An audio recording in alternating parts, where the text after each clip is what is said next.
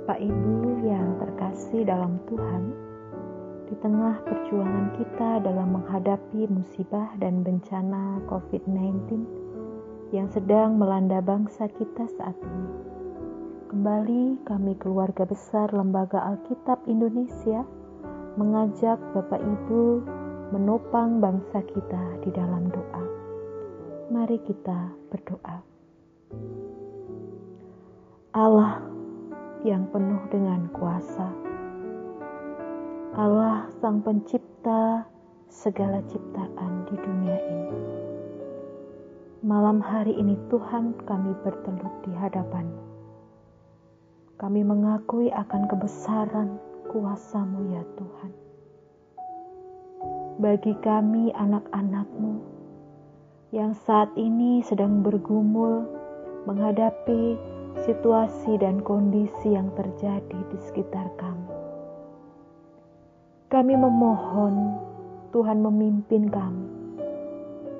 Tuhan boleh menyemangati kami supaya kami tidak menjadi egois tidak mementingkan diri kami pribadi, tidak mencari keamanan dan kenyamanan pribadi ya Tuhan. Tetapi biarlah kami juga mengingat saudara-saudara kami yang lain. Bagaimana kami menjadi bagian dari bangsa Indonesia ini. Kami semua ya Tuhan. Teman-teman kami yang saat ini sedang sakit keluarga dari teman-teman kami yang sedang sakit, para tenaga medis dan keluarganya, para aparat keamanan, aparatur pemerintahan. Tuhan, biarkanlah kami saling mengingat, peduli, setia kawan satu dengan yang lain.